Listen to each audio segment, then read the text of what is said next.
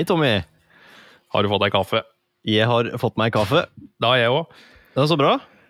Jeg tok og juksa litt. Jeg satte Oi. på ja, Har jo Mokamaster, selvfølgelig. Det er klart. Hvis Det må man ha. Traktekaffe så er det ikke så veldig mye annet som gjør jobben. Nei, det er Eh. altså alle hjem med respekt for seg sjøl har mokamaster. Og så er det litt sånn Ja, Sånn som den kaffemaskinen som vi har på Carlsberg. Den lager jo grei kaffe, men det er ikke som filterkaffe, altså. Nei, er det.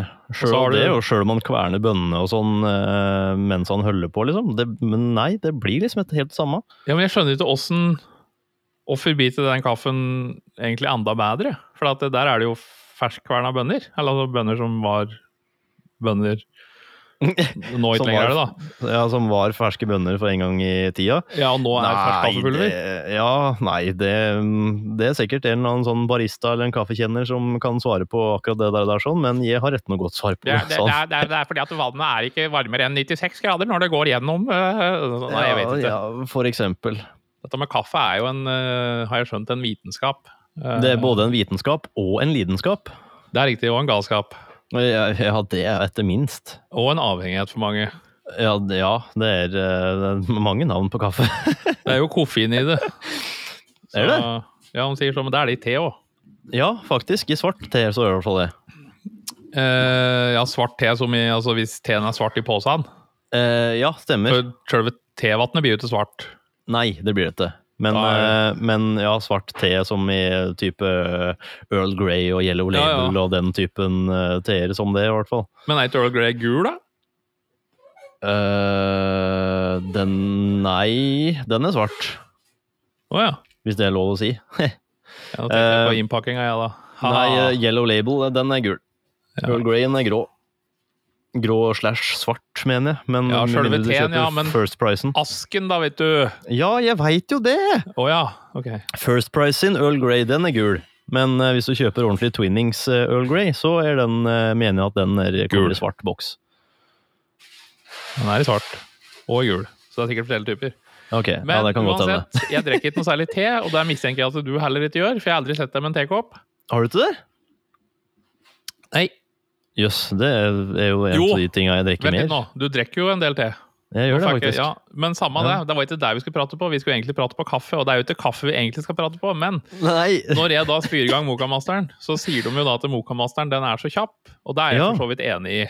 Uh, Men ikke kjapp nok. Når jeg, altså jeg har jo ikke dårlig tid, for jeg har ingenting jeg skulle rekke. Vi er jo fleksible på podkasten. Men når jeg da står og ser altså dråpen med kaffe som kommer fra dette jævla Vet ikke hva det heter, det er det drypp gjennom. Ja. Så tenker jeg åh, kom igjen, da. Få ut denne kaffen. Og så Ja. er problemet at hvis du da tar den kaffen, så er ikke den riktig balansert, da. For det er jo øh, et eller annet med Det må være noe forskjell på styrken på kaffen på slutten og starten av bryggeprosessen. Så den blandes i kolba, liksom. Syns jeg det virker som. Ja, det kan godt hende. For den, den, første, den første kaffen som kommer ut, den er jo veldig tynn. Da. Ja, den er det.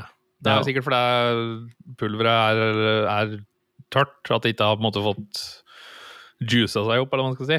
Men Nei. så innså jeg at uh, Mokkamaster de har jo fryktelig mye forskjellige traktere. Uh, vi har jo den tradisjonelle med sånn glasskolbe, og Mm. med varme på glasskolba. Og det er, jo, det er jo for så vidt fint, men den varme på glasskolba, altså den har jo en funksjon. Eh, men det koster jo sikkert 200 kroner å bruke den, da, nå som eh, strømmen er for dyr. Eh, men så har jeg sett de har sånne traktere med termoskanne som du kan sette under. Ok, Der må jo ja, Termotrakter heter den. Mokkamaster termotrakter. den er ny for meg. Å ja, nei, jeg tror den har vært ute en stund. Det, det må jo være altså sjukt genialt. For at det, det er litt sånn slitsomt. Eller altså slitsomt, det er jo mindre slitsomt Oi. enn å ikke ha mat. Men uh, du må jo da helle fra gasskolba, glasskolba, fra gasskolba, fra glasskolba og over i termosen, ikke sant? Mm. Og, og siden, hvis, siden dette er Mokamaster, så regner jeg med at det er ei kanne av god kvalitet. Sånn at du, du sliter ikke med at den er noe dårligere enn ei sånn tigerkanne, for eksempel, da. Nei, det vil jeg jo tro at den heter. De har jo flere forskjellige. De har jo en som koster den gode nettesumma 8429 kroner, eller så har de en eh, som Dyrker den kaffen, den, eller? 2500. Det er noen Herregud. forskjellige typer, men som har en sånn termo trekanta type kanne, ja. Ja, så har de nå kommet med modeller som har automatisk dryppstopp, der du ikke har denne Herregud. knappen, bryteren på sida. For den, den bryteren på sida, den slutter jo å funke etter du har trakta deg ti kanner. Så Ja, den er jo hvis du Ja, hvis du rekker å gjøre det, egentlig. Det varer varierer litt. Men her, Men ja, for de, de har jo Skal vi se Enkopps Å ja, de har der òg, ja. Noen smågreier. Det nå er jo Nei, det er jo litt Det er veldig fint hvis du, hvis du bare skal ha én kopp. Ja, men hvem i alle dager er det som bare drikker én kopp kaffe? Ja, men det er sånn hvis du har litt dårlig tid om morgenen, da, ja, for men da setter du til i gang en traktor, da. Nei, men da har du nok til bare én kopp, da veit du. Så har du Statoil-koppen, Ja, eller en termokopp, eller hva er det seg, en Bodum-kopp, eller om du har Mokkamaster, har sikkert egne termokopper òg, de. Ja, men da har du jo med deg på termosen din, da, vet du, så du trakter litt mer enn det du skal i koppen. Herregud, hvor vanskelig skal det være? Ja, Men ja, uansett. Det du prata om med Mokkamaster, det er at Ja. det, det tar for lang tid når du først starter den, sjøl om man skal være så rask som det de sier at den er. ja, så er det verdt det, da. For kaffen er fryktelig god. Men innimellom, så liksom, hvis jeg får lyst på en kaffe sånn Kommer kom jo an på pulveret du bruker av, da. eh, Ja, vi kjører Evergood, selvfølgelig. Og så har vi kjørt en del eh? Jo, så har vi kjørt en del Busbrew. Ja. Der må vi forresten få unna mer av. Mm. Og det er jo den vi kjører i kaffemaskina til Carlsbad òg. Det Så stemmer. den er jo god. Altså, mm. Den er jo bedre enn Evergood. Det er den. Men så koster den jo mer, da. Selvfølgelig. Ja. Sikkert enda mer nå, for nå har jo prisa på Evergood gått kraftig til værs. Så har sikkert uh, prisa på den kaffen vi kjøper, skutt til værs òg. Mhm. Ja da. Men eh, jeg har skrevet ned noen punkter, jeg. Over ting jeg tenkte vi skulle prate på. Oi, fy da. Så nå kan vi gå rett på sak. Er vi et punktbasert program? Vi er et punktbasert program. Du verden. Er det, er det, går vi fra prikk til prikk, eller er det fra punkt til punkt? Nå tenker jeg vi går fra off topic til on topic. Ok. Hva er det du har å by på? Nå eh, har jeg notert ned altså, vi, Det jeg tenkte vi kunne gjøre, som en litt sånn endring, er at vi bare tar og går kjapt innom hvert tema før vi begynner å prate de forskjellige tinga. Ja. Kanskje underbevisstheten vår da tvinger oss til å holde oss mer on topic.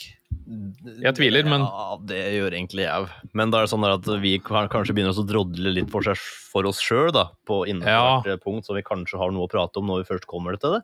ja, kanskje. Eh, Jeg har i hvert fall notert ned PF22, den nye utgaven. Ja. Eh, og så har vi tørkemetode etter håndvask. Mm. Luft, håndkle, nal Nar... Le? Narn. Luft. Jeg prøver på nytt. Tørkemetode etter håndvask. Luft, håndkle eller nal. ja. Um, og så har jeg automekanika. Det er uh, kult. Og så mm. har jeg Colorlock Toplife. ja. DIY, som det Riktig. tydeligvis heter. Eh, båtprodukter fra Kokk Kjemi. Og altså egen maritim serie fra Kokk Kjemi. Og lansepakker og koblinger. Ava-overgang, Keicher-overgang, M22 3/8-del. Det er mulig. Uh, I sann stil så husker jeg aldri hva det er vi har pratet på før. Eh, og jeg vet sjelden når vi skal prate på neste gang. Ja, For da finner vi ut fem minutter før vi spiller inn, det stemmer. Men Ja, hvis det.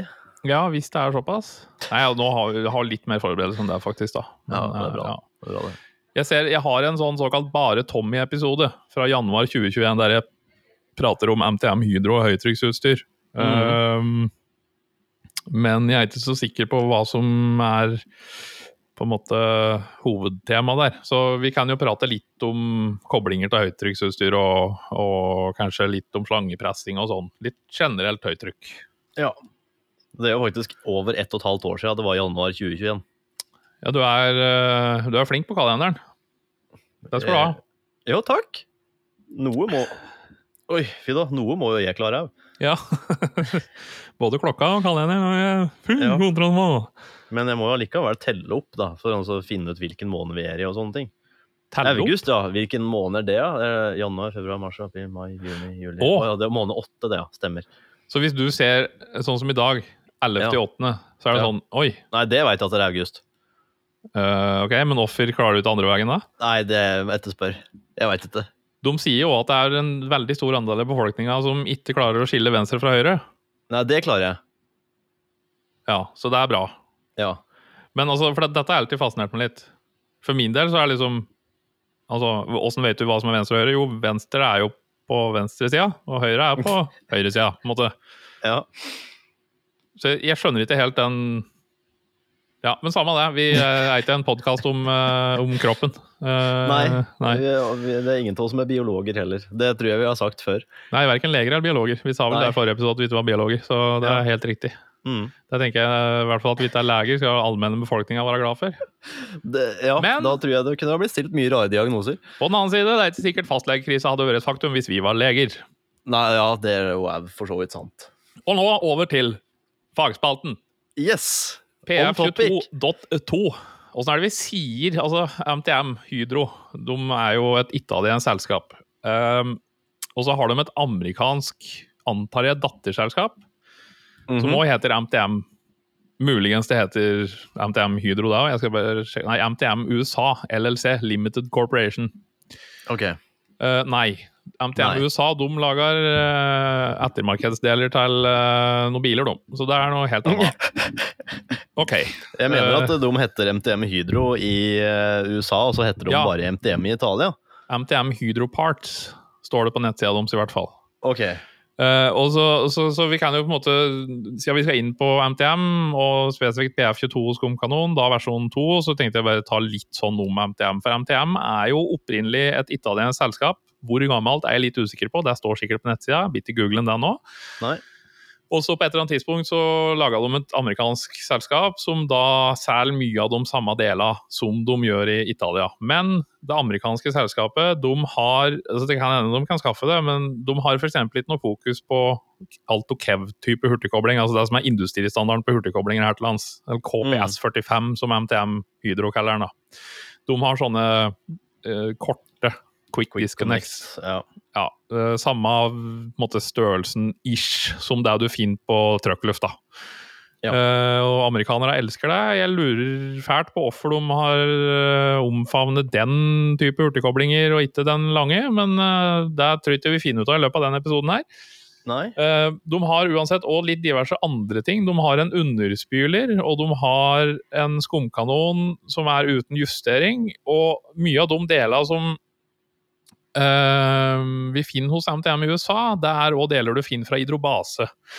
Jeg har jo tidligere deala en, en del Hydrobase. Det er òg et italiensk selskap som i hovedsak driver med reservedeler til alt mulig rart av pumper og eh, høytrykksutstyr. Mhm. Men de er òg relativt store på pistoler og lanser og dyser og alt, alt dette, på en måte. Eh, Ja. Det som er litt sånn i høytrykksbransjen, er at det er jo på en måte sikkert sånn som med reservedeler til biler, at det er ikke slik at eh, hver leverandør av høytrykk lager alt de har sjøl. Altså det er jo slik som SS73 blir jo laga i Kina fra RM17-er, og det samme vil jeg anta gjelder mesteparten av de, de varene som MTM produserer. Uh, og En liten fun fact er jo at uh, visstnok grunnen til at Hydrobase sine pistoler er såpass like MTM, er fordi Hydrobase har kjøpt opp en gammel fabrikk i Kina som MTM brukte tidligere. Uh, for MTM starta med produksjon i Europa, og så outsourcet de for å kutte kostnader. Og så ble det drit, og så begynte de å produsere i Europa igjen. Og da var det et eller annet der som skjedde med at Hydrobase da kjøpte den fabrikken og sikkert da noe tilgang til noen rettigheter, eller, om det ikke er noe rett, jeg vet ikke. Så de laga deler som er mye likt, men det jeg så med mye av delene fra Hydrobase, er at kvaliteten er ikke bra nok. Eh, Nei. Det stemmer. det som da er litt artig, er sånn som den skumkanonen som eh, blir solgt uten justering, da, som jeg nevnte, det er jo den som vi kjenner som Hydrobase Piuma. Um, det er jo egentlig bare en skumkanon uten noe justeringsskrue. eh, der du kan justere luftmengde for å få forskjellig tjukkelse på skummet. Mm -hmm. Som har aluminiumshugge eh, og er veldig lett. Men av erfaring så tåler den veldig lite. Det var masse reklamasjoner på de skumkanonene. For aluminium er jo ikke noe sånn Tåler ikke sånn kjempemye. Og i hvert fall ikke når de har et gjengeparti på to millimeter, som det var på den Altså den delen som holdt flaska til resten av huet, da. Gjengen imellom den innfestinga og huet, den Ja. hadde så kort egenparti at det med litt tidsbruk og inn- og utskruing av flaske og litt sånn, så ble det slarkete, og så ble det datt fra hverandre. Um, Akkurat, ja. men det har egentlig ingenting med saken å gjøre. Poenget mitt Nei. er at uh, når vi prater om MTM-deler, så er det greit å merke seg at uh, de MTM-delene vi fører, de tar vi direkte fra Italia. Rett fra fabrikken i Italia. Eh, Og så finner du rundt omkring på markedet, både i Norge og ellers, mye amerikanske MTM-deler. Og jeg tror ikke at kvaliteten på dem er dårligere, men det er jo da f.eks. korte hurtigkoblinger i stedet for lange. Det er jo første kjennetegnet på at det er en amerikansk eh, levert del. Mm. Um, og så er det jo sånn da at eh, med dette her, tydeligvis, så følger det jo òg noe sånn eh, I dette tilfellet er det en ulempe, da, for at PF22 den har jo tradisjonelt hatt den gamle type flaska som er skal jeg si for noe, Han er ikke avrundet, men han har, jo, han har jo mindre diameter nede på flaska enn han har midt på, så han har samme diameteren oppe og nede. Så han buler litt ut, da, på en måte. Jeg skulle selv si at den var litt omvendt timeglassforma. Ja, litt omvendt timeglass, ja. Omtrent ja. som den ideelle mannekroppen. uh, og den flaska har jo vært Han er jo grei, den. Det er god kvalitet på gjenger, og liksom plastikken og alt er bra, men du, mm. det er jo et uh, evig slit med at med mindre du har ei sånn alt-ok-hurtigkobling på, så er det umulig å få den flaska til å stå støtt i hylla. Eller hvis du har produkt i beholderen, da. Og da etter hvert så kom jo på Altså uh, først i USA så kom den nye flaska, den utgave to, som er mer sånn mm, Sånn fasonger på den, mer som ei kjegle. Ja, kjegle slash trekanta.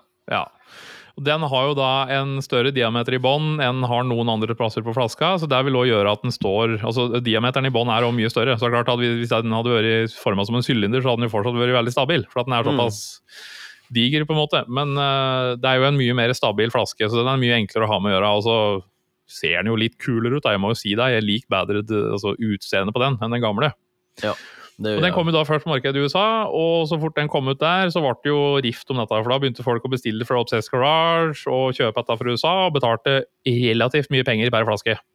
Mm -hmm. Jeg tror det var prat på en, eh, fort et par hundre kroner per flaske hvis du kjøpte sånn fem stykker eller noe for å få ja, farta deg over? Jeg mener at det var vel brått mer. Eh, for jeg var jo inne og titta litt på det sjøl, og med, med, frakt og omkostninger på toll og den type ting, så kom det jo på eh, Hva var det jeg fant ut av? På ei flaske her? Nei, på tre. Altså Om du bestilte én eller tre, så var det jo Importen ble jo tilsvarende. Ja, men jeg eh, mener at en trepakk det hadde kosta over 900 kroner. Ja. Ja, og da var det jo det, det, kan jo si at det var jo 300 kroner flaska, da. Ja, ja. Og da var det jo en sann glede, da.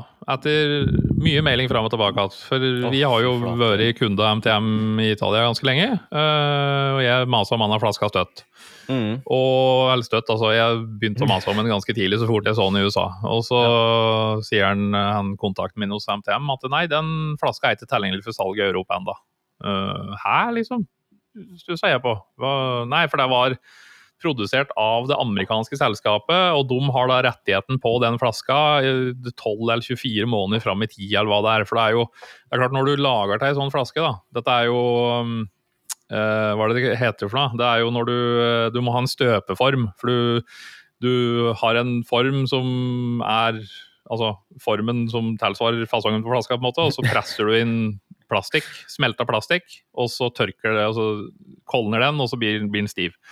Og den støypeforma koster ganske mye penger. Eh, og det er jo da sikkert eh, relativt store volum flasker det er prat om som må kjøpes inn, så det er jo en betydelig investering å ta fram et sånn produkt. Mm. Og da er det sikkert noe med rettigheter rundt det, da. Men eh, etter mye om og men så fikk vi endelig beskjed om at jeg tror det var i april i 21, eller mars i 21, så hei, vil dere kjøpe flasker? Og så sier jeg ja. Selvfølgelig, vil vi det. Vil vi det. Jeg har jo spurt deg om det 100 ganger. Hvorfor skulle jeg ikke ha lyst til det? Uh, og så ja, uh, da setter jeg opp en ordre på 1000. Hæ? Uh, så da var det jo 1044, eller vet du, sånn helt sinnssykt antall. Det jo... Nei, det var jo mer. Jeg tror det var hardt borti 1200, ja, 12 eller 1400. Var det, var det to paller med flasker som kom? Det stemmer. Og de har vi jo fortsatt data. Men det skal jo sies, da.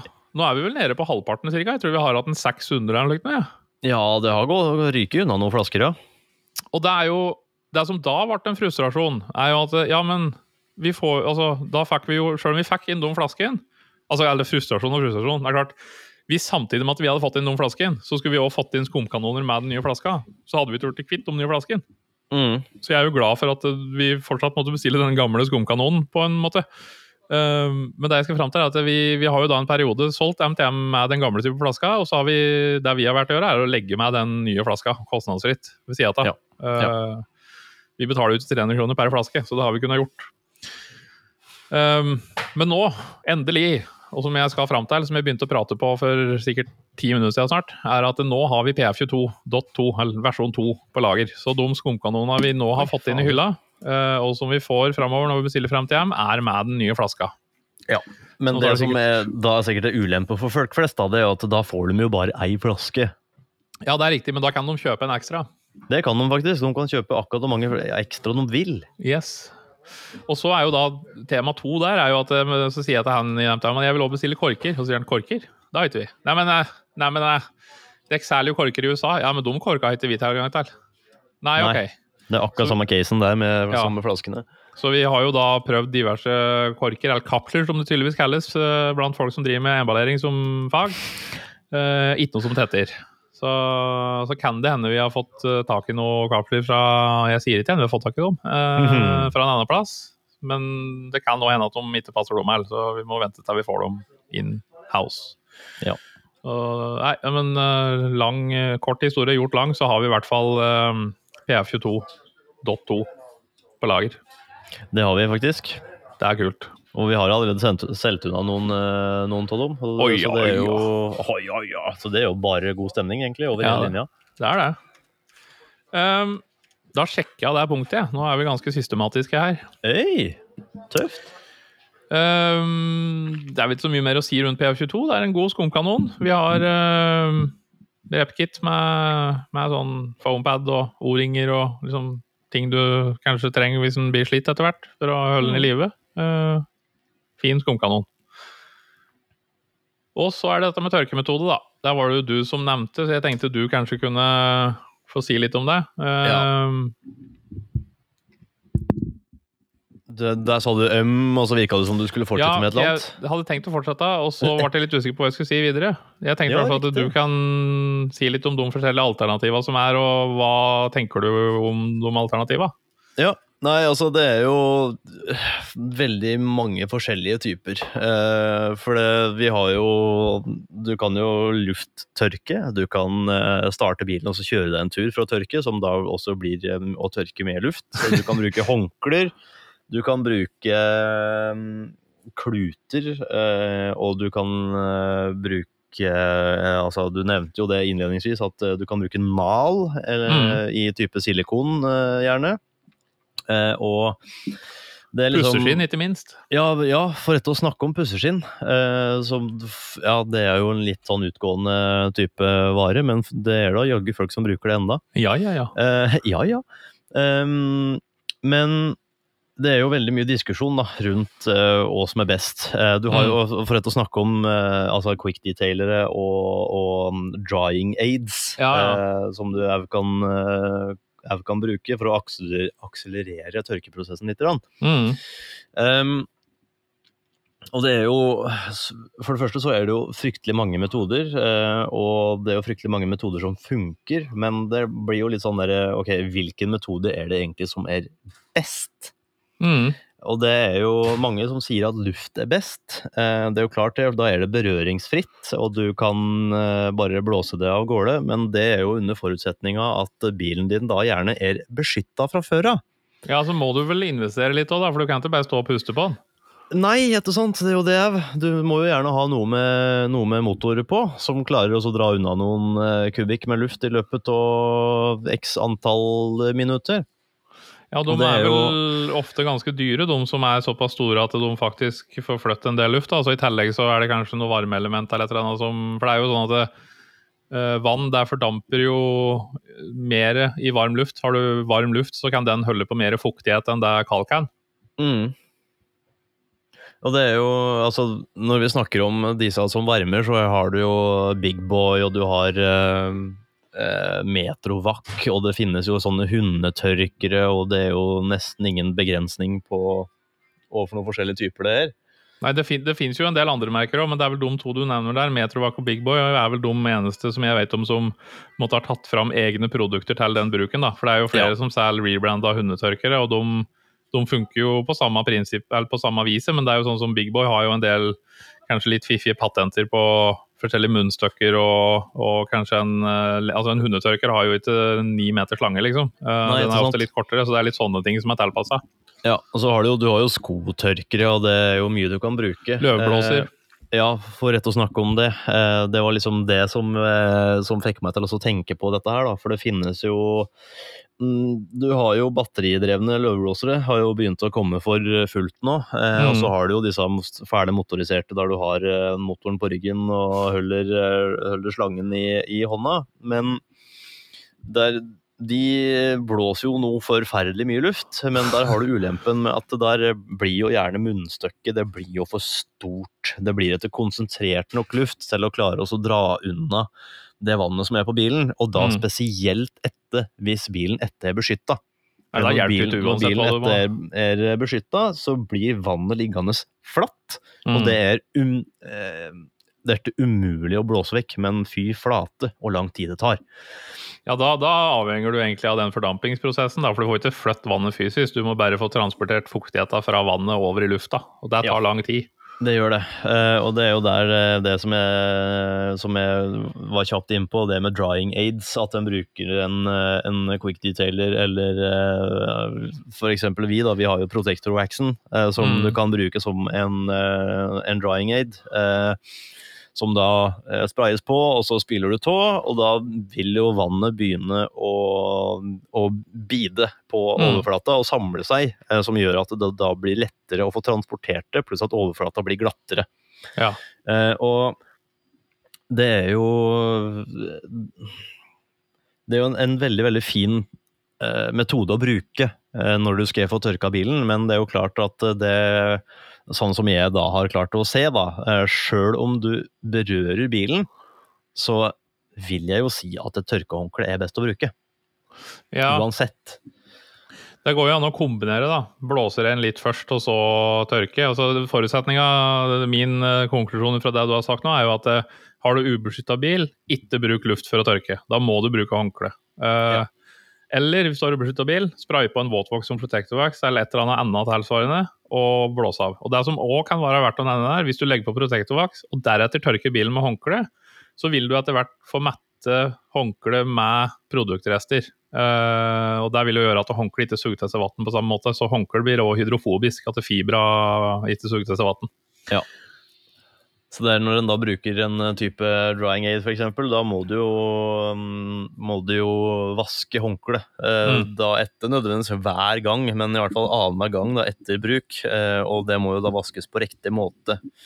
Og vi har jo vært innom det, det før her, hvordan en skal vaske mikrofiberhåndklær. Og det er jo like mange oppskrifter der som det det veier til rom. Um, nå har vi faktisk Rags to Riches fra Rag Company etter hvert på vei inn, da. Så for de ja. har tomme for deg i, i ja, Rag Company Europe. Nå har de fått inn igjen.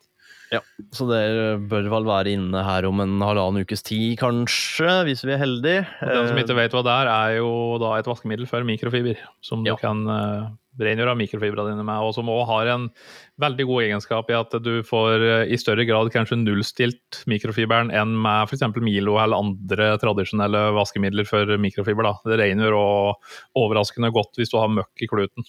Ja, det er jo derfor han heter rags to riches, for det er jo at du kan freske opp gamle kluter igjen som du har brukt til, etter nødvendigvis coating, men til andre typer ting. At ja. du kan ta dem en runde eller to med, med, det middelet, og så vil de fungere omtrent som nytt. Eh, det er jo mange som sier at den kluten er sånn, den fungerer faktisk bedre etter en vask med det enn det han gjorde da han var ny.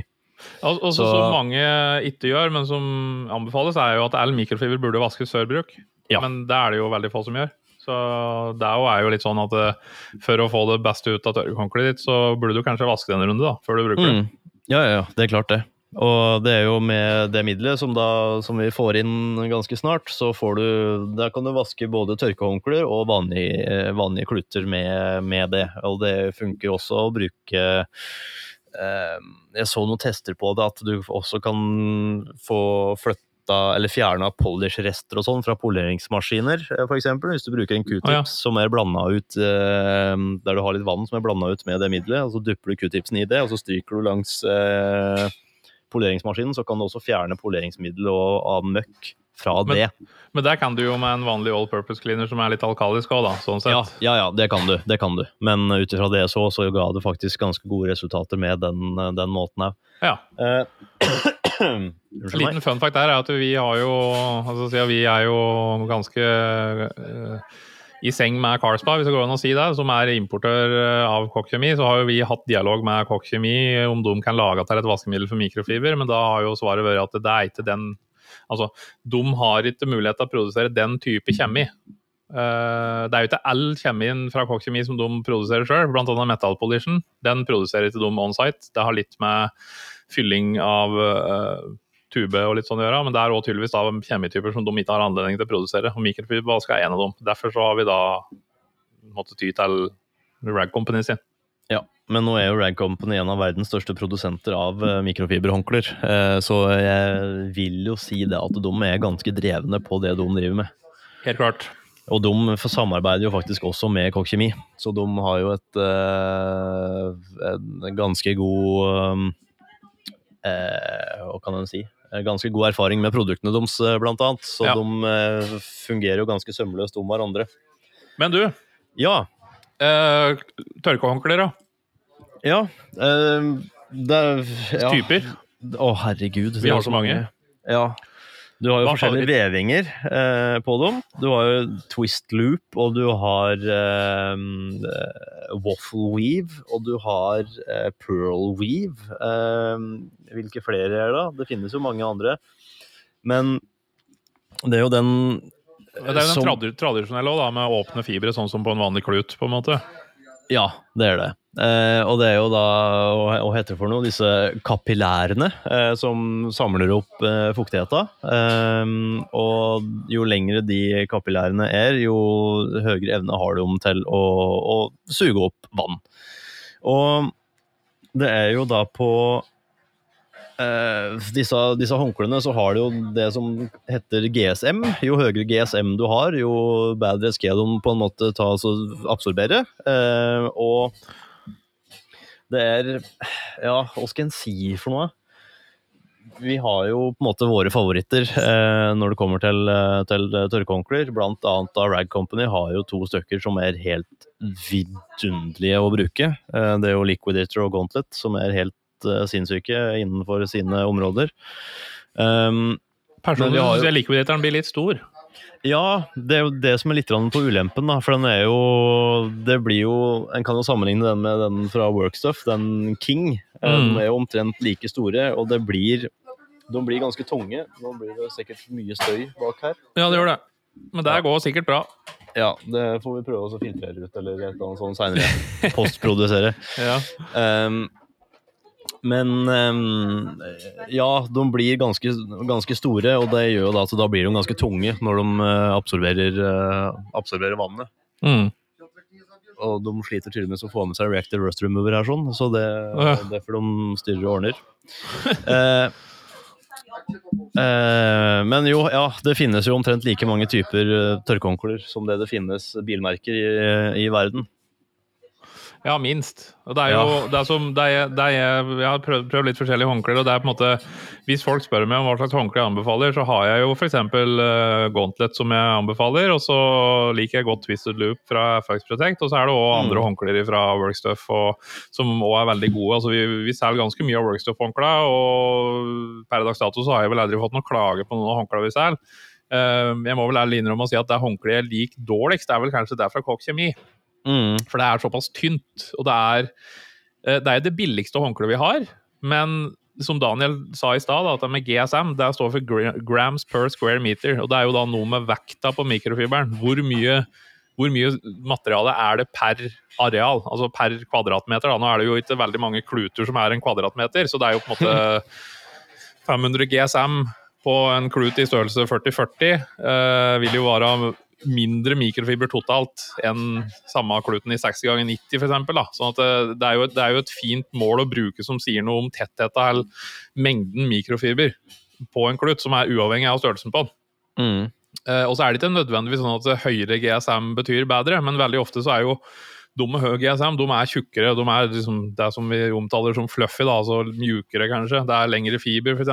Og, og sånne type ting. Og det er jo Ulempa på tørrkonkler når du har høy GSM, er jo at den suger til seg mer vann enn det en klut med lav GSM har, gjør. Ja. Um, og sånn som Liquidator, som er såpass stor, den suger til seg enorme mengder vann, og det gjør jo at den er fin, men samtidig så er den da litt kølete å bruke på nedre paneler, f.eks., for, for det er kanskje lett for at du kommer ned i bakken med den. Mm. Og så blir den tung når du fyller den med vann. Uh, og der har vi sånn som uh, oh, Nå står det jeg stille. Gauntleten, den er jo i hvert fall den størrelsen vi ser, er jo mer overkommelig. Um, og sånn som Koch Kjemis håndkle, ja, det er billigste håndkle vi har. Men du trenger kanskje to sånne håndklær for å gjøre samme jobben som du gjør med en gauntlet. Sånn at det, på de dyrere håndklærne Og det, kjenner du òg, hvis, hvis, du har et hvis du hadde, hvis hadde, Det kunne vi lage en video på, men hvis du veier opp et Koch Kjemi-håndkle, og så veier du opp et gauntlet-håndkle eller en liquidator, så ser du at du kilosprisen er ikke så gæren likevel, for du får ganske mye mer håndkle for penga. Ja, det gjør du. Men det er, er det såpass, jo, ja. såpass, mange varianter at det liksom, blir litt sånn smakssak. Da. Og det, jeg skulle frem til at det er på en måte ikke noe fasit på hva som er det beste håndkleet. Nei, og det som er ulempen da med de som er eh, eh, sånn waffle weave, eh, vaffelvevd, det er jo det at de er litt vanskeligere å få begynt å tørke med. Mm. De må liksom absorbere litt før de, før de funker i det hele tatt. Ja, det er jo òg kanskje en sånn ting som mange ikke vet, at et tørkehåndkle vil være best når det har begynt å bli litt fuktig. Så et helt tørt tørkehåndkle er mindre effektivt enn et som er litt fuktig, tro det eller ei. Mm. Og det lille som da eventuelt ligger igjen av vann på overflata etter du har gått over, det vil fordampe ganske fort. Ja. Og det er jo sånn, Folk tenker jo at det må, en må kunne speile seg i glansen etter at du har tørka, og det er jo til tilfelle. Det er jo som du sier, at det, det vil kunne ligge igjen et veldig, veldig tynt Eh, et tynt vannlag etter at den har tørka, sjøl om en bruker et tørkehåndkle til 2500 kroner. Mm. det, er liksom, det, det, er den der siste, mm, siste fordampingsprosessen som, eh, som, eh, som avgjør, avgjør, resultatet. Og den vil jo mm. komme desto fortere jo mer du får tørka av, selvfølgelig. Ja, ja. Det, jo, det, som også kan være en løsning der, er jo å ha to separate håndklær. Ta et håndkle som du først går over med, og som du får fuktig ganske fort, naturligvis. Og så tar du og tørker bort alt det som finnes av noen mengder med vann med deg, og så kan du gå over med et uh, helt tørt håndkle etterpå, som da tar med seg den siste resten. Hvis ikke ja. det første håndkleet gjør den jobben. Og så har du jo ulempen uh, hvis en uh, Det er jo en ting som jeg har vært borti et par ganger. og det er Hvis du vasker bilen ute når det er ganske rått, så, eh, og du skal tørke, så ser det ut som at bilen er mer fuktig etter at du har tørka den, men det er fordi det er såpass høy luftfuktighet at det, du får etter tørka bilen godt nok mm. uten å stå inne. Mm. Så det er, eh, det er, en sånn ting som folk eh, gjerne etter tenker over. og tenker at ja, men dette tørkehåndkleet er sånn, det funker jo ikke i det hele tatt. Men jo, det gjør det, men det, lufttemperaturen, nei, luftfuktigheten der du er, den er rett og slett for høy, så du klarer dette å tørke, fordi den vil bli fuktig pga. kondens, rett og slett. Ja, ja. Men det, som, det, vi driver og snikler oss inn mot nå, det er jo etter hvert nå fasiten på tørkemetode. For du vet like godt som meg at uh, når det kommer til tørking av bil, den eneste fornuftige, fornuftige måten å gjøre det på, det er med nal. Ja, helt klart. Hell lite. Men uh, altså, det som, dette er litt sånn uh, skal si for noe sketchy, eller ikke sketchy subject, men eh, det er litt, litt sånn eh, ømt tema for mange. Eh, for at Nal, det er jo litt sånn ja, sett ned på. Tørker du bilen med Nal, da er du en neandertaler, og du vet ikke hva bilplay er for noe. Eller du vet i hvert fall ikke hva detailing er. Nei, nei, helt klart. Det er ikke helt riktig, for at jeg vet ikke om De har vel Nal fortsatt i vaskehallen hos Carspa, som ja, brukes ganske flittig. Oh, yes. Og det er jo, misforstå meg rett, for det er ikke sånn at den nalen brukes på alle biler, og at de ikke bruker mikrofiber. For de bruker jo mikrofiber, da fortrinnsvis fra Rag Company. Uh, mm. Men hvis du har en bil som skal vaskes, ha nedvask og få fjerne all mulig møkk, og så skal du korrigere og polere den bilen, så er det ikke noe vits i å bruke tid på å bruke mikrofiber Heller å tørke med luft. Uh, hvis du har kontroll på vaskeprosessen din og vet at du har fått bort så å si all møkk, så kan du, du kan stå og dælje på panseret på en bil med nal, og det vil ikke bli noe merker av det. For den gummien er såpass mjuk, så det blir ikke noe skade i lakken av det. Det kommer Men, helt an på hvor den nalen er kjøpt hen. Ja, det er klart. Hvis det er en kvalitetsnal fra Vikan f.eks.. Eh, ja. Hvis du kjøper en på europris til 29 kroner, så er nok den litt stivere og ja, kan klart. bli litt flisete. Så det, og Nala er vel ofte ja. avstive for at de skal brukes på vinduer uh, i tillegg, og det er heller ikke noe heldig. Du må ha en nal som former seg etter overflata. Ja.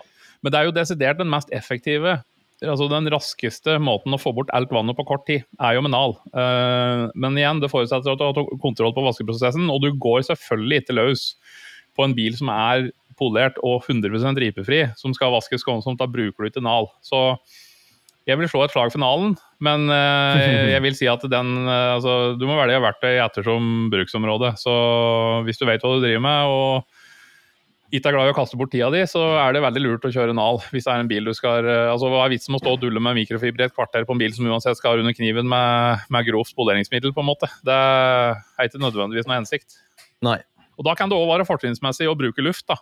Uh, I kombinasjon med nal, f.eks. For, for da får du blåst unna inn, mellom speil og karosseri og eller sånne kriker og kroker der det ofte legger seg vann, som da kan begynne å renne ned. Det beste er jo altså Oftest da så vaskes en bil kanskje dagen før du skal polere den, i hvert fall når vi gjør det sånn på hobbynivå. Og da lar du jo bilen stå inne over natta, sånn at den renner av seg. Men hvis mm. du skal gå rett på poleringa etter å ha vaska den, så er det jo vil jeg si nal etterfulgt av luft er på en måte den mest effektive, kostnadseffektive måten å tørke på. Ja, og det er jo som du sier, da, det med å få komme seg inn i, inn i speilhus og den, den, type ting, der, jo, der, slår jeg virkelig et slag for lufta. For mm. det, det å slippe unna de der rennemerkene som du fort får på, på dørsidene under speilene og sånn, det, det, er så deilig. Der kan du òg bruke en uh, mag Nei, hva heter det for noe? Den Magneto, Magnito, Det er mikrofiber med magnet inni, som du bare klakker under speila. Mm. Kjempefin. Ja, den er kjekk. Um, nå hadde jeg et eller annet, tenkt på et eller annet lurt. Uh, du tenker på veldig mye lurt, du. Ja, jeg gjør det. Mye dumt òg. Men det sier jeg ikke om. Nei, det er vel Ja. Mm. Det er vel å vekte sine ord nøye. Meget. Så ja, men da har vi vel egentlig vært innom de fleste ting som har med tørking av bilen å gjøre, tror jeg. Ja, jeg tror det. Vi har ikke prata så mye om drying aids, men Nei, det er jo men... Ja, det finnes det jo så sånn forferdelig mange derav. Litt sånn amerikansk greie å bruke det, har jeg inntrykk av. Jeg, jeg har prøvd litt, testa litt og brukt liksom, sånne såkalte drawing aid-produkter. Og jeg har på en måte ikke sett noe åpenbar fordel med det. Det er som du sier, hvis du har en bil som er helt ubehandla, så vil det gjøre at vannet renner av, kanskje. Men ja. er det ikke da enklere å frese på et lag med våtvoks, f.eks. Protectorvox eller tilsvarende med skumkanon som du bare spyler av? Jeg syns det funker bedre da. Ja. Og da har du uansett ingen planer om videre behandling av bilen, da, tenker jeg. Uh, så hvis du har en bil som skal inn til polering, så for guds skyld, driv nå ikke og legg på drying aid, for da introduserer du ratt noe silikon og noen greier på overflata. Så du får jo da en jævla jobb med å måtte ta wipedown og fjerning av det. og Hvis det ligger igjen noe, så kan det tulle med egenskapene til poleringa og komme i poleringspaden, og ja, nei, da holder du deg unna drying aid. Ja. Da skal bilen helst være klinisk rein før du starter med det. Det er helt riktig. Ja, men bilen er jo rein. Er jo, den er jo kjempetørr. Ja, ja, ja. Det er greit nok, det. Men hvis du treffer den i feil lys, så ser du at bilen blir blå og lilla pga. sånne oljete rester. så det er liksom ikke helt det du, det du sikkert er på utkikk etter. Nei, egentlig ikke. uh, og så skal vi litt innom uh, noe helt annet. Det er Automekanika i midten av september, om ca. en måneds tid. Uh, da reiser jeg og Dan og Thomas nedover til Deutschland. Jaså? Tenkte vi skulle uh, ta oss en tur på den uh, Det er vel, uh, sett bort fra den Å, herregud, var det den messa i USA heter, da? I Las Vegas? Sima, tenker du på? Sima, ja. Det er jo ja. i hvert fall USA sin største bilbransjemesse. Automekanika er jo Europa sitt svar på den messa. Jeg husker ikke mange utstillere som skulle på Automechanica, Automekanika, men det var nå godt godt oppunder 100 som starter på A, så jeg regner jo med oh, ja. at det er ganske mange. Det er vel, Jeg tror Dan sa at det var sa han at det var ni haller på størrelse med Norges varemesse som var fylt med utstillere. fred. Ja, så det er litt sånn, Du må se på kartet og finne ut hvor du vil traske innom. For det, du, jeg tror du kan gå rundt der ei uke og fortsatt ikke rekke å være innom helt hvis du ikke bare skal kikke fort innom en bod. Akkurat, ja. Så jo, Der har vi jo Carlsberg er jo, som jeg nevnte og som vi helt sikkert har sagt før, de importerer jo Kokkjemi og Colorlock til Norge. Så det er jo litt opplegg med Colorlock og Kokkjemi og Madda og noe greier. Og så er det, er det jo å trave rundt og kikke etter potensielle nye leverandører på et eller annet bilrelatert. Det er ikke nødt til å være bilpleie, men eh, ja, hva som helst, egentlig. Se hva det kult som er der. Ja, Det er bra du er med, da, som er så lang i beina, så du rekker å dekke et så mye større område enn de andre på like kort tid. Ja, Spørs om jeg egentlig må lære meg å stå på skateboard innen den tid. Eller jeg kjøper meg rulleskøyter, kanskje, så jeg kan ha med det. Sparkesykkel? Ja, why not? Ja. Skateboard? ja. Livsfallet, hvis du har eh, Jeg vet ikke hvor mye folk som Skal vi se. Eh, automekanika Visitors 105 000 Nei, det var 25-årsjubileum, så var det 5000 utstillere.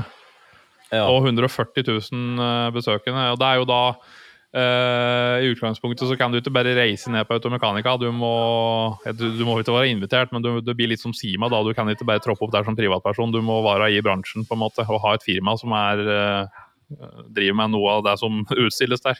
Du bør i hvert fall ha en billett. Ja. Det er en fordel. Så det er ikke så mye mer å si om det. Uh, jeg tenker jo at det kan være interessant å prate litt om Automekanika etter vi har vært der, for det kan jo dukke opp noe kult. Mm. Um, Colorlock Toplife det er jo et produkt vi har pratet litt om. Vi har lett litt etter det, vi har drodda litt rundt det. Ikke funnet ut så fryktelig mye. Noen mente at det hadde kommet eh, en eh, prøveflaske fra Colorlock. Ingen klarte å finne den igjen. Og den er jo sporløst forsvunnet, hvis vi i det hele tatt har hatt den. Det er blitt litt tvil om den har vært i oss i det hele tatt, egentlig. Uh, så det er sikkert... Ja, jeg mener nå at jeg så ned, da, men det, jo, ja. det, har jeg ment om mye rart. Ja, Nei, jeg vet ikke. Det er uansett, da. Toplife det er et nytt produkt fra Colorlock. Fra tidligere, når det er prat om beskyttelse av overflater hos Colorlock, så er det Shield og Protector. Der Shield er en friksjonsbeskyttelse, uh, veldig tyntflytende væske som du påfører, og som lufttørker, og som da gir en beskyttelse mot misfarging og møkk på skinn. Spesielt aktuelt på lys skinninteriør. Uh, og så har du Protektor, som er et uh, pleieprodukt. Litt mer en sånn kremkonsistens, som på en måte skal gi litt næring til skinnet og trekke inn i skinnet. Og hvis du har litt sånn tørt skinn, der kan du jo komme sjøl på en bil som er tre-fire-fem år gammelt, uh, så kan du bruke Protektor. Skal ikke brukes på skinn som er yngre enn tre år. Nei, det er jo det som folk gjerne kan kalle for skinnmjølk, eller ja, en skinnbalsam. Som jeg kaller for skinnmjølk. Har jo sagt ja. det på en video, det har jeg fått høre i ever since. Favorittordet ditt? Ja, det er i hvert fall på topp ti. Ja. Skinnmjølk. Ja, det er det kalt og kaffe. Det er liksom, det er de tre av de store. Ja, altså faen. Ja, det var for rett å snakke om det. uh, nei, så Toplife er jo da et uh, altså, Dette er jo Det har jo vært liksom et sånn, kall det et evig samtaletema, da er dette med coatinger til skinn. For der Uh, og nå, er, nå, skal ikke jeg henge ut noen eller på en måte uh, korsfeste noen, men jeg vet sånn som CarPro var ganske tidlig ute med å komme med en coating for skinn. Og uh, sikkert noen andre. Det er ikke sikkert CarPro var de første engang, men nesten alle som driver med coating i litt stor skala, altså, og det er mange det er mange som lager coating, det er mange som selger coating. det er ikke så mange som produserer coating, men de fleste som selger coating, de har òg da fått produsert coating som kan brukes for skinn. Um, mm. Og så vidt jeg vet, nå igjen, jeg kan ikke nok om skinncoatinger, men så vidt jeg har forstått, så er de som regel løsemiddelbaserte. Og det vil jo si at de skal binde seg til overflata med skinnet, litt sånn som på bil. Åssen uh, er det du fjerner coating fra lakk? Da må du polere, eller våtslipe. Så hvis du påfører en sånn tradisjonell skinncoating uh, fra et merke som ikke driver med skinn egentlig, for som utvendig bilpleie og innvendig er jo litt to forskjellige fagområder. Så når det kommer til det å drive og behandle skinn med produkter fra en leverandør som ja, de har kanskje en skinnrens og litt sånn, men de er ikke spesialister på skinn. Det mener jeg kan være litt sånn sketchy. For i hvert fall i nye biler så er det jo mange kroner. Altså ja, du, du betaler jo for hele bilen, men mange av de kronene du betaler for bilen, de gjenspeiler seg på innsida.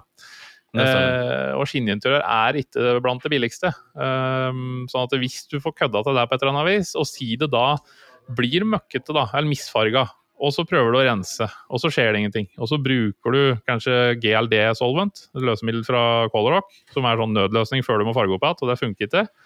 Hva gjør du da? Jo, da må det lakkeres. Og da er det nok en litt mer omstendelig prosess hvis en skal lakkere opp at et skinn som er behandla med coating, enn hvis det ikke er det, vil jeg anta. Så det er på en måte det er en veldig lettvint løsning. da, At det blir kanskje bedre en liten stund, og så innbiller jeg meg at det fort kan bli verre. Uh, skinn er jo et levende materiale. sånn at jeg, ja, jeg vil ikke anbefale å bruke en tradisjonell type coating på skinn.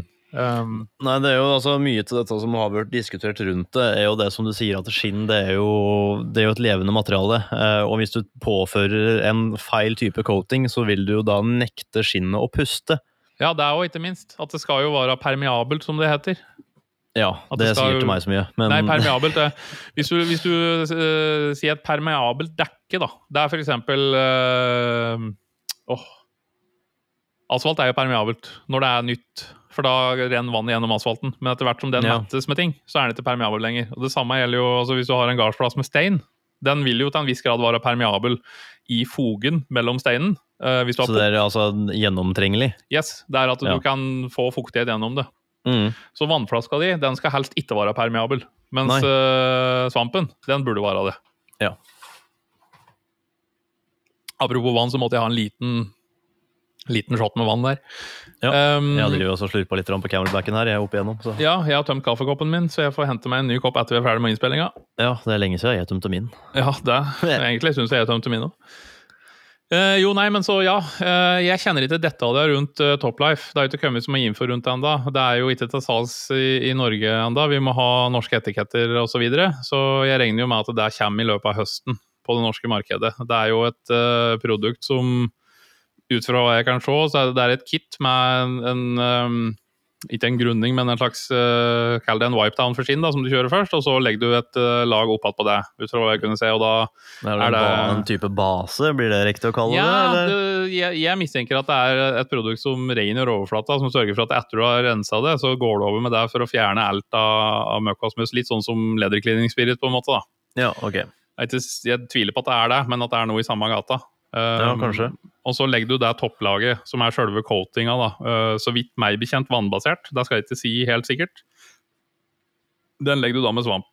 Og så er det mm. en proffutgave som må sprøytes. Og det, det, skal jo da ha en holdbarhet på opptil tolv måneder. Uh, så det er et produkt jeg er veldig spent på. For det er jo sånn som Shield det er jo utgangspunktet noe som krever regelmessig rebehandling. Så ja, du sliter jo bort det, det, den shielden du legger på når du går inn og ut av bilen og du berører overflaten. Så hvis uh, Toplife-produktet er såpass bra som det høres ut som, som Colorock laga jo kvalitet, så jeg regner med at det er bra saker, så vil jo det være i hvert fall høyaktuelt for dem som tilbyr skinnbehandling. Da. Det er ikke sikkert det er så aktuelt for folk som pusser litt på egen bil i ny og ne. Hvis du har uh, blitt bitt av bilplaybasillen, så har du ingenting imot å rense setene dine med en mild skinnrens regelmessig og legge et lag med skill. Så mm. det blir, blir, spennende å se. Ja, det blir det. Det er jo, det er jo et interessant produkt, i hvert fall. Uh, og så har Kokk Kjemi sagt uh, ja, Hvis Dan hører her nå Dette egentlig ikke er noe som skal prates om, så da Ops, det er dumt. Men uh, det er rykter om, eller det sies, at Kokk Kjemi skal komme med en egen serie for båtprodukter. vi vet ikke når, men det har blitt, vi har jobba litt med dette i kulissen en god periode. Hatt litt dialog med Tyskland på det. For klart Norge er jo et stort båtmarked.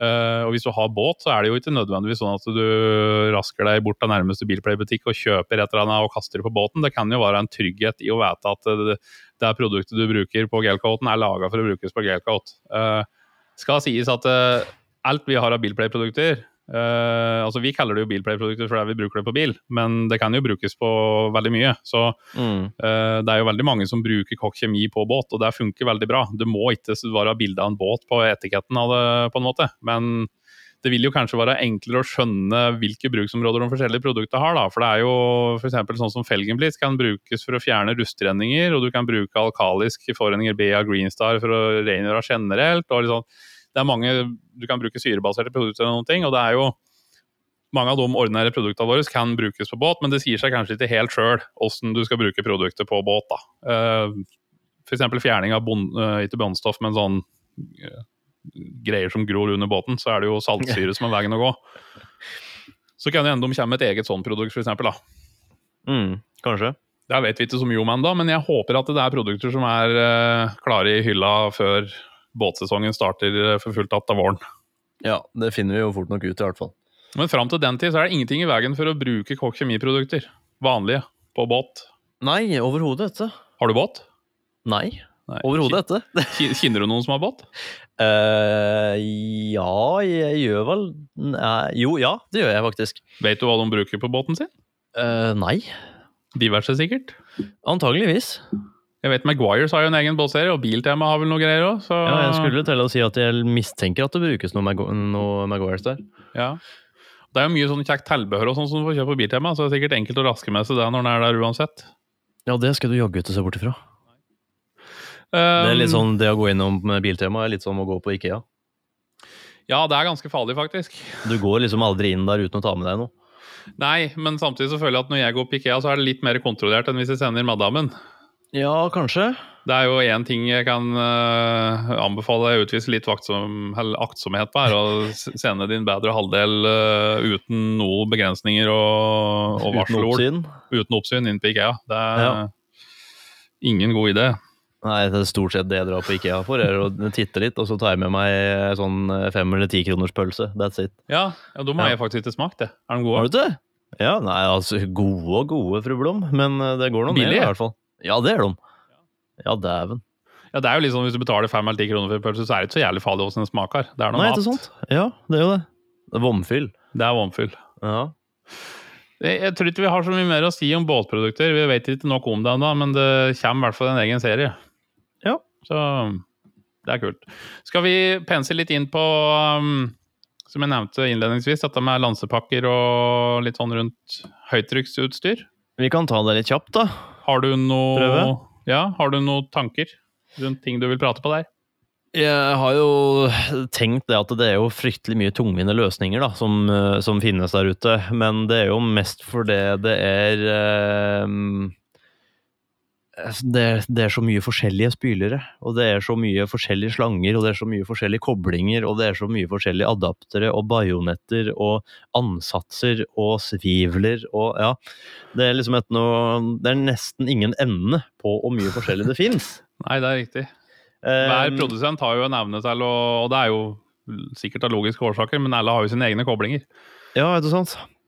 Nesten. Og det er, jo, det er, jo, litt sånn som en kan forbanne seg over når en skal drive og finne fram produktene i hylla her. sånn, og så Er dette det her sånn riktig bajonett eh, som er bestilt her nå, eller blir det feil?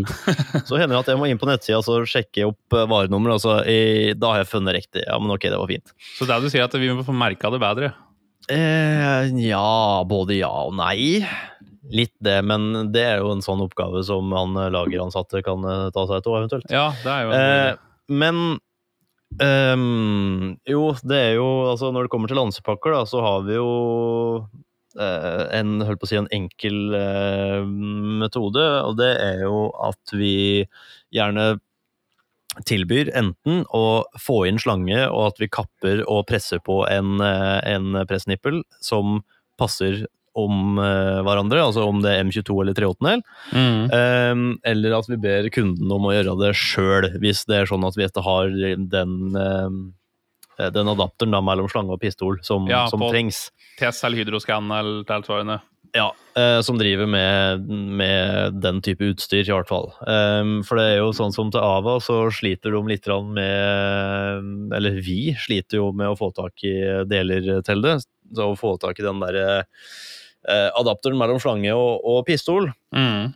Eh, og det gjør jo da at eh, det er litt vanskelig å kunne tilby ei, ei, lansepakke til en eller annen stakkar som har en pistol som lekker, eller ei Zoom-lanse som lekker. Det er jo stort sett de to problemene som, som oppstår. Ja. Eh, og det er jo i hvert fall eh, Ja, vi har stort sett så har vi jo det som, det som trengs, i hvert fall av hardware eh, fra, fra, adapteren og ut, da. Mm. Eh, I hvert fall. Ja, altså pistol og strålerør og dyse og den biten der. Og så er det ja. 1000 kroner spørsmål. Liksom den evinnelige gåten er jo da hva slags kobling er det som trengs inn på pistolen. Ja. Uh, og Der har jo de vi seg, har stort sett 3,8 toms innvendige gjenger. Mm. Og så finnes det overgang, f.eks. hvis du skal ha på en Cransler, så kan du skru inn en ansats der som gjør at du får M22 hand på pistolen, som du da bare skrur slangen rett på. Uh, mm. Og det vil jo bare skyte inn at de, sånn som du nevner med Ava, da, for eksempel, de har en egen kobling inn på pistolen. Det samme har Nilfisk, det samme har Kercher. Men da er vi på hobbymaskiner. Eh, ja. Proffmaskiner så er det heldigvis stort sett M22 eller 3 som brukes. Stort sett. Um, fordel, forskjellen der er at M22 har en O-ring som tetter, mens på 3 del så må du ha gjengeteip. Uh, og sånn i utgangspunktet, da, hvis du har en hobbymaskin, så må du ha en overgang hvis ikke du ønsker å uh, kappe og få pressa på en ny nippel på slangen, som du òg for så vidt nevnte. Mm. Um, og det er jo, i hvert fall på Ava og Kercher så er det overganger som fins, men ikke så enkelt å få tak i fra Ava. Kercher har vi enn så lenge på lager. Vi var tomme for den lenge òg, før vi fikk tak i hatt. Ja. Nilfisk så finnes det jo ikke noe adapter, men det er noen som sier at den avovergangen passer, med litt uh, tilpasning på gummikappa rundt pressniperen på slangen. Um, så Men det varierer litt av, da. Ja, det, det gjør liksom, det. Er liksom, noen passer den på, andre passer den etter. Og da får litt... får du det til med makt heller, så det er, det er, litt varierende. Ja, derfor så har de, har å... de har tydeligvis ingen standard på slangene sine, de heller. Nei, det er tydeligvis litt varierende tjukkelse på, på den knekkbeskyttelsen og så videre. Så det er liksom når folk spør oss om det, så svaret er nei på om vi har en overgang fra nilfisk til pistol. altså det kan hende det funker, men vi orker ikke å si at ja, der har vi den i passer, og så Nei, han passa ikke, nei. nei. Eh, riktig. Og så har ikke vi noe kapasitet eller noe strengt talt noe interesse av å føre detaljert oversikt over hvilke nilfiskmål. Altså det, det, blir for mye styr, dessverre. Så min go to-løsning er å si vi kan ta slangen din og fikse ny kobling til deg, helst så kan du gå på Tesla Hydroscan. Og det som er triks i ludo der, da, hvis vi får inn en avslange f.eks., som skal ha ordna en 3 8 eller en M22, mm. kappe den litt nedafor eh, den eksisterende nipperen, og så skru på ny kobling, og så sette på motparten på den korte delen av slangen som er igjen. For da kan du skru på igjen den og bruke originalt utstyr hvis du ønsker. Det stemmer. Hvis du skal selge spyleren eller et eller annet. Mm. Så stort sett så fins det en overgang for alt. Det gjør det. Og så er det jo ja, tre åttendel og M22 og kvartom og hit og dit og NPT-gjenger og koniske gjenger og ja, mye forskjellig. Men uh, dette er Hvis du går på TESS eller hvis du går på Hydroscan, så oppdager du fort at uh, gjenger er uh, ganske omfattende. Det er ikke uten grunn at folk utdanner seg nesten innen gjenger. Så de produktene vi har, er ikke så komplisert å finne ut av. Opplever jeg i hvert fall som hvis du går på Hydroscan. Og så har vi sånn noe av kontroll på som passer sammen, vi da. Vi later som i hvert fall. Ja, Hvis du går inn på Test og Hydroscan, så blir du fort en del av et sånn der gjengmiljø. Ja da. Å, oh, herregud. Der de driver med gjengekriminalitet og Jeg skulle tro du var pappa, egentlig, for det, dette var skikkelig sånn pappavits. Ja. Rart, rart med det. Ja. ja.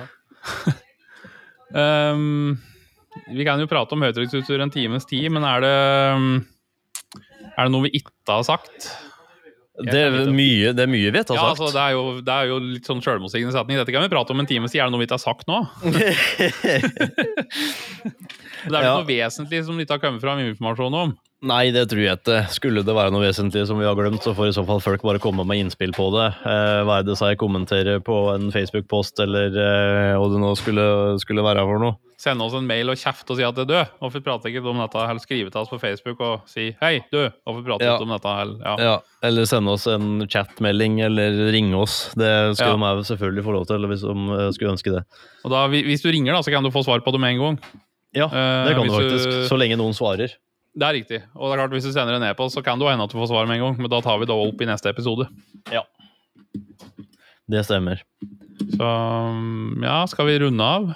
Nå har vi bikka den magiske timesgrensa. Ja, vi har det, vet du. Det går fort en time, altså. Fader heller. Dæven. Ja. Du blir vel... sliten i huet etter alt som foregår uh, ja, ja. bak her. For det er fytti katta de holder på her. Ja, jeg hører dette. du får gå og ta et alvorsord med som driver og bråker, du. Vi skal ja, ha sånn rød lampe. Ja. Vi er på luften! ja. Vi er på luften, Kroksleiven! Jeg håper ikke at det er copyrighta, og at vi blir sperra og banna fra nettet pga. det. Det tenkte du ikke på før du sa det. Nei, fader. Jeg biter klippene bort. Det får du ta konsekvensen av i så fall. Det er greit. uh, takk for praten, Daniel. Og så håper jeg at du, kjære lytter, har uh, lært litt, og kanskje flira litt av det tullet vi har pratet på. Ja, Kanskje har ja. du kommet på noe annet vi burde prate om. Send oss en e-post eller et eller annet. Så på gjensyn Eller nei. På gjenhør. På gjenhør til neste episode, får jeg vel si. Ja. Yes. Takk for praten, da. Takk for praten. Prekæs! Prekas.